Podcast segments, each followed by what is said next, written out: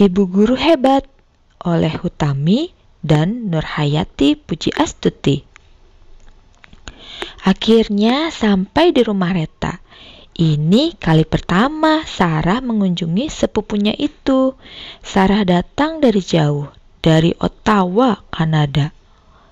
Reta langsung berseru, oleh-oleh dari Riando Canal tempat berwisata naik perahu, memancing, dan main ski. Sarah terkejut.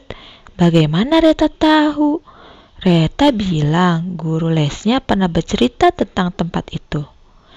Hmm, banyak sekali makanan menarik.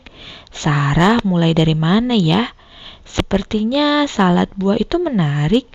Kata Reta, namanya rujak. Rujak itu ternyata pedas. Minum, Sarah perlu minum. Kata Reta, penghilang pedas itu garam, air hangat, atau susu. Guru lesnya yang memberitahu. Benar juga, panas di mulut Sarah langsung reda. Wah, hebat juga guru les Reta. Sarah ikut Reta pergi ke warung. Reta membawa keranjang belanja gurunya yang memberitahu untuk mengurangi pemakaian plastik. Hmm, Sarah ingin kenal guru Reta. Berapa yang harus dibayar Reta? Reta langsung menghitung dengan jari. Bukan main, angka yang disebutkan Reta sama dengan hasil hitungan kalkulator. Reta bilang, guru lesnya mengajari cara menghitung cepat. Bagaimana caranya Sarah bisa bertemu guru Reta? Be patient, kata Reta. Reta juga bisa berbahasa Inggris. Lagi-lagi guru lesnya yang mengajarkan. Asik, Sarah boleh ikut Leta les. Tanpa daftar, tanpa bayar, semudah itu.